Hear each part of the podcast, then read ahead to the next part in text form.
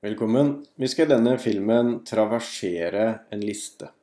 Og med å traversere så menes det at vi går igjennom lista linje for linje. Og det er noe som vi har veldig mye bruk for i programmering. Vi husker fra tidligere at vi har laga en liste som består av fire elementer.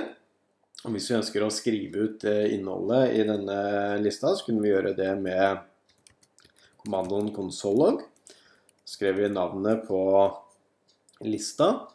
Så hadde vi en firkantparentes, og så skrev vi nummeret på den linja vi ønsket å skrive ut. Det kalte vi for indeksen. Så hvis vi skriver indeks 2, så betyr det at vi skriver ut linje nummer 2. Kan du lagre og så bare bekrefte at det stemmer. Så da bør det stå matematikk da, når vi skriver ut. Og det gjør det. Men hva hvis vi ønsker å skrive ut alle linjene i denne lista. Da kan vi gjøre det ved å bruke en løkke. For løkke er jo slik at den, den gjentar noe så lenge vi ønsker det selv. En løkke deklarerer vi ved å skrive eh, for. Så må vi opprette en tellevariabel. Veldig vanlig å bruke i som en tellevariabel. Så tilordner vi den verdien 0, fordi vi ønsker at den skal starte på indeks 0, og så telle seg oppover. Så må vi fortelle noe om hvor lenge den skal telle, og da sier vi at så lenge i er mindre enn 4, fordi det er fire linjer, det er fire elementer i denne lista her, da skal denne løkka fortsatt, fortsette å gjenta seg selv. Og for hver gang løkka kjører, så skal vi øke i med 1.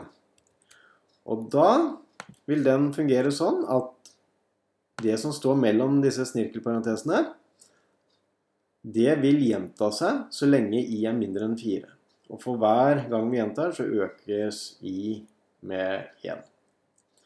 Nå skal vi gjøre noe smart. Istedenfor å skrive ut eh, linje nummer 2, altså min liste, indeks 2, fire ganger, så bytter vi ut indeksen med i. For i vil nemlig endre seg. Den vil begynne på 0, og så vil den øke til 1, 2, 3. Og så blir den 4, men da, da slutter uh, løkka å, å, gjenta seg. For da, da, er denne testen her da er is uh, 4 eller større.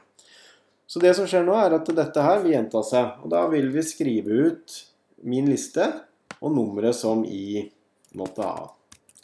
Vi lagrer, og så kjører vi programmet, og da ser vi nå at uh, den skriver ut først informasjonsteknologi, norsk, matematikk og engelsk. Og det kjenner vi igjen fra det som står her sånn.